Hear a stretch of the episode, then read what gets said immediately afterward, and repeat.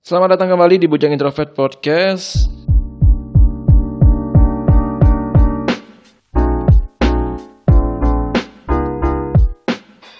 Bertemu kembali dengan saya setelah sekian lama saya bisa dikatakan vakum setelah saya setelah episode saya yang cuman beberapa menit itu yang 6 menit itu yang saya bacakan sudah itu kayak nggak ada ide lagi gitu nah. Jadi jadi pada bingung lagi nih mau ngomongnya apa kita mau bahas apa kita. Tapi setelah saya pikir-pikir saya saya saya saya kelola lagi uh, olah pikiran lagi. Jadi ketemulah satu topik yang sudah lama sebenarnya ingin saya bahas. Uh, entah itu di podcast ini atau di tulisan saya di IG atau di video TikTok ya saya sekarang sudah sudah mencoba untuk ngalai dengan TikTok karena saya lihat beberapa pemuka agama kita sudah mulai uh, bertiktok kan salah satunya adalah Habib Ja'far. Jadi saya ngefans sama sama beliau dan beliau juga punya akun TikTok. Maka dari itu saya juga um, mencoba untuk bertiktokan dengan cara saya sendiri. Walaupun sekarang masih bingung juga sih mau format atau konsep itu bagusnya kayak mana. Jadi kalau saya konsultasi sama kawan-kawan saya yang udah udah pernah nge-TikTok, mereka bilangnya kayak gini ya kakak kakak bikin aja dulu katanya nanti kalau sudah bikin nanti bakalan ketemu sendiri idenya memang betul sih sama kayak saya kemarin bikin akun Instagram itu kan bingung tuh mau mau di siapa ini Instagram. Jadi awal-awal dulu itu isinya cuma foto-foto apa ya kalau nggak salah. Pokoknya foto biasa gitu. Udah tuh saya isi sama vektor. Jadi saya tahun 2000 2017 ke 18 19 itu ngevektor. Jadi isinya vektor semua. Gambar-gambar wajah lukis-lukisan wajah orang semua gitu tapi habis itu saya lihat lagi kok berantakan isinya nggak teratur gitu nah. Jadi oh ini ini kayaknya nggak bagus ini. Lagi pula waktu itu ada kendala di laptop saya. Jadi ada perangkat saya itu nggak bisa digunakan jadi vakum ngevektor. Dan gantilah sama yang namanya uh, kayak jenis microblog gitu. Dan memang dari dulu sih udah punya uh, punya pikiran untuk bikin yang kayak gitu karena saya juga basicnya suka menulis. Ya. Jadi ya saya isi aja yang kayak gitu sampai sekarang. Nah untuk itu di TikTok mungkin saya bakalan random juga. Apa pokoknya apa yang ada di pikiran saya itulah yang, yang ingin saya sampaikan. Sama kayak ini di podcast ini juga saya bingung mau ngisi apa mau pokoknya cerita cerita aja gitu walaupun kadang ada yang nggak nyambung ada yang kayak mana gitu nah di episode kali ini saya akan bercerita tentang relationship tentang hubungan hubungan antara wanita dan pria dan tentu saja hampir rata-rata dikit uh, ada bla bla bla bla. Pokoknya kayak gitu. hampir hampir rata-rata semua kita anak-anak muda pasti pernah merasakan ini. Jadi hubungan hubungan uh, antara cewek dan cowok itu ada dua jenis. Eh, ada beberapa jenis ya. Uh, yang pertama sahabatan biasa yang kadang tuh nggak yakin bakalan iya benar-benar sahabatan atau enggak yang pertama sahabatan yang kedua adalah friendzone jadi bedanya friendzone sama sahabatan ini kalau saya baca-baca di beberapa artikel eh, anak-anak muda kalau sahabatan mereka berdua ini komitmen gitu. Sahabatan akrab ke mana-mana akrab. Nah, urusan siapa yang suka siapa yang uh, suka satu sama lain itu kadang mereka tuh suka mendam sendiri. Karena takutnya nanti kalau diungkapin bakalan hancur persahabatan mereka. Dan mereka juga nggak nggak ini nggak nggak apa nggak nyaman gitu. Akhirnya mereka kayak sedih karena nggak bisa bersama-sama lagi. Itu yang itu kalau kalau sahabatan. Mungkin kalian bisa nonton filmnya siapa ya? Teman tapi menikah itu salah satu contohnya. Terus yang kedua adalah friendzone. Nah ini friendzone ini bedanya kalau sahabatan tadi itu satu sama lain itu kan komitmen bersahabat berteman akrab dan segala macam yang kedua ini adalah friendzone. Friendzone ini salah satu dari entah itu cewek entah itu cowok itu suka, tapi salah satunya lagi itu nggak suka. Misalnya ini kebanyakan cowok nih suka sama cewek tapi udah kayak dianggap teman gitu, udah dianggap kawan jadi kayak oh my god friendzone.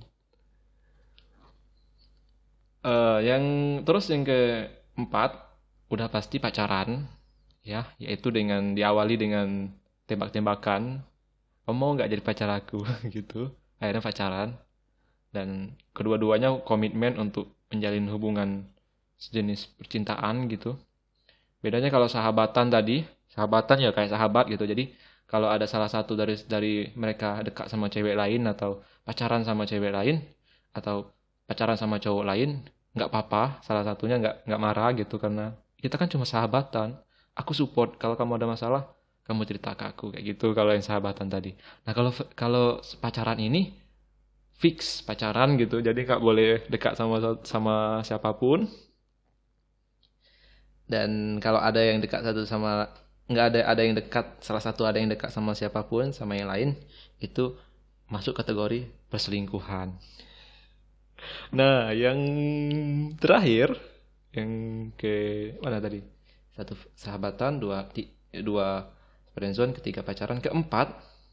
Keempat adalah HTS atau hubungan tanpa status. Kalau saya nyebutnya hubungan tanpa hashtag tanpa hashtag pacaran gitu apa bedanya sama pacaran yang keempat ini mereka berdua ini sama-sama nggak minat untuk menjalin hubungannya bernama pacaran, tapi mereka berdua ini dekat gitu. Mereka berdua ini kayak apa ya, kayak sayang-sayangan, kayak peduli, care satu sama lain. Terus kalau ada salah satu dari mereka ini dekat sama cewek lain atau cowok lain, yang lain bakal marah gitu kayak misalnya kalau cowoknya dekat sama cewek lain, ceweknya bakal marah. Dan pokoknya kayak gitu kayak apa ya, kayak hubungan spesial hubungan tanpa tanpa proses tembak menembak lagi gitu dan ini yang terakhir ini adalah yang ingin saya ulas sebenarnya karena sekarang ini udah udah apa ya bisa dikatakan udah banyak gitu yang menjalani hubungan kayak gini kalau uh, yang ini uh, paling banyak itu biasanya dilakukan oleh anak-anak pesantren biasanya ya Cuman nggak uh, ini nggak nggak nggak menutup kemungkinan semuanya bisa bisa mengalami hubungan yang kayak gini. Saya terus terang beberapa uh, hubungan asmara saya beberapa lama ini dari SMA dulu sampai sekarang ini ya sudah mengalami fase-fase yang kayak gini yang kayak dekat-dekat aja terus kayak nyaman dan ya keterusan gitu. Soalnya gini, Kenapa uh, saya suka atau beberapa orang itu suka menjalani hubungan kayak gini? Um, karena kita nyaman ketika kita dekat sama cewek terus ngalir gitu ngalir ngobrolan segala macam ngalir tanpa harus formalitas gitu kalau pacaran kan kayak formalitas uh, Cuman ada sih salah, salah satu hal yang bikin kadang tuh agak canggung juga tuh kayak gini. Kita kadang nyaman dengan orang, tapi karena kita kita kelamaan nggak nggak nembak, akhirnya kita bakalan dijauh sama sama si cewek tadi misalnya. Jadi ceweknya tuh bakalan kayak ah aku nggak ditembak-tembak kok sampai sekarang, udahlah aku pergi aja gitu, aku mau nyari yang lain aja. Jadi nggak ada komunikasi, jadi nggak ada cewek ini maunya pacaran, kitanya maunya HTS-an gitu. Jadi itu salah satu kelemahannya. Jadi kalau komunikasi lagi kalau maunya kayak gitu satu sama lain tuh harus ada komunikasi terus um, itu tadi karena kita nganggapnya cinta itu ya uh, berjalan sesuai dengan ritme ritme kita. Sesuai dengan ya apa bedanya? gitu. Ya cinta ya jalani aja. Sama lah pacaran kan jalani aja cinta juga jalani aja. Sama yang kayak, yang kayak tadi yang friendzone bedanya kalau friendzone itu ya otomatis kalau karena ceweknya nganggap teman mungkin cowoknya bakalan pesimis ya udahlah aku mau nyari yang lain aja gitu sama yang ini tadi yang pertama sahabatan yang sahabat persahabatan ya. Kadang ya ada yang sampai nikah juga kedua-duanya. Ada yang sampai nikah sama yang lain dan mereka tetap sahabatan biasanya kayak gitu. Sampai tua. Cuman jarang juga sih kalau di kalau kawan-kawan sekeliling saya ini. Tapi yang terakhir ini kayak uh, kalau kata Mbah Suciyo Tejo itu cinta itu nggak nggak perlu alasan gitu nggak perlu kayak kenapa kita cinta sama dia? Karena karena dia adalah pacar saya. Nah itu tuh kayak seolah-olah kita itu barang gitu.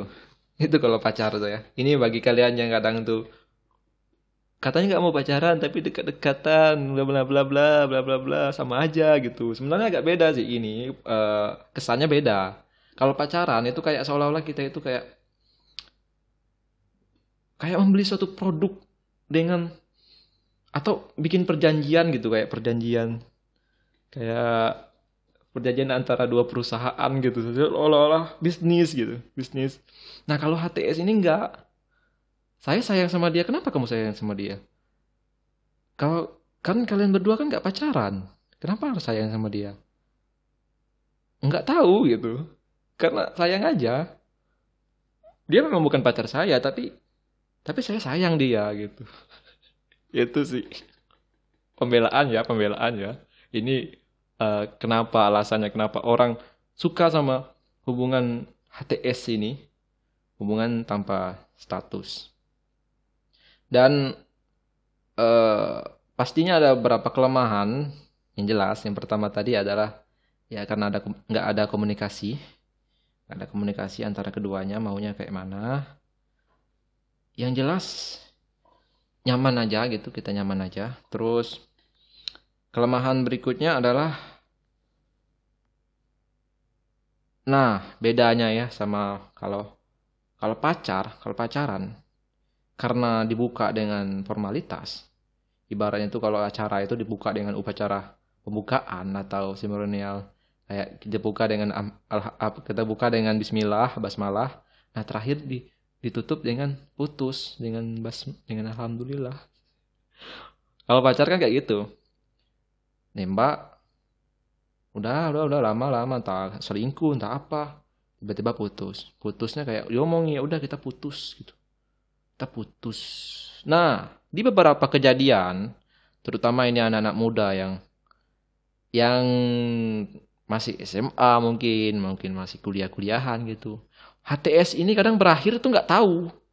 Tahu-tahu ngilang aja gitu. Satu sama yang lain itu kayak entah itu cewek yang ngilang, entah itu cowok yang ngilang. Jadi pasti ada salah satu dari mereka ini yang merasa kehilangan. Walaupun misalnya gini contohnya gini, misalnya cewek nih yang hilang. Nih ceweknya hilang nih karena udahlah kan kita kan selama ini kan kayak nyaman-nyamanan biasa aja gitu. Hilang dia. Ini cowok ini berasa gitu. Kok kok dia nggak ada gitu, kok dia berubah segala macam. Dia merasa bersedih cowok ini tadi. Sedangkan cewek ini tadi biasa aja. Gitu pun sebaliknya. Kadang kalau ada cowok yang pergi pergi tanpa bilang-bilang gitu. Ini cewek yang yang cewek ini merasa bakalan sedih gitu. Itu sih kelemahannya.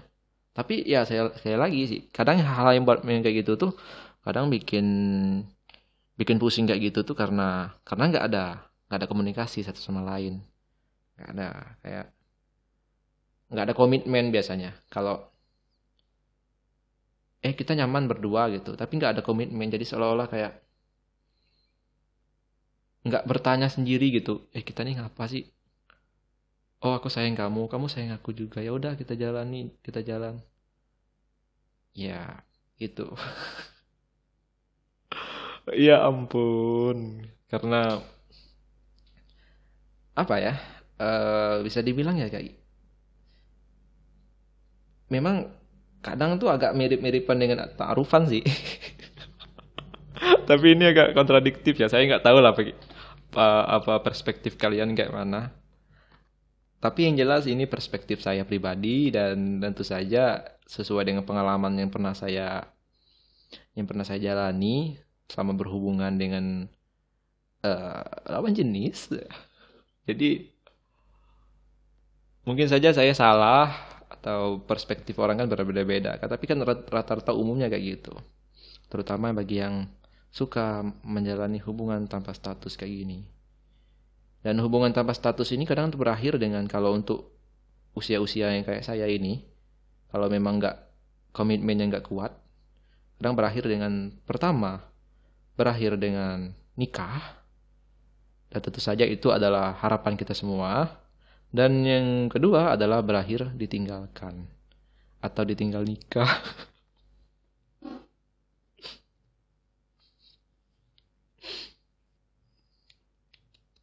Hahaha. Bih, pokoknya berat mungkin apa obrolan kita hari ini. Oke, terima kasih sudah mendengarkan. Rasanya cukup itu dulu. Mungkin bisa kita lanjutkan lain kali. Terima kasih sudah mendengarkan. Saya Renaldi dan sampai jumpa di Bujang Introvert Podcast episode berikutnya.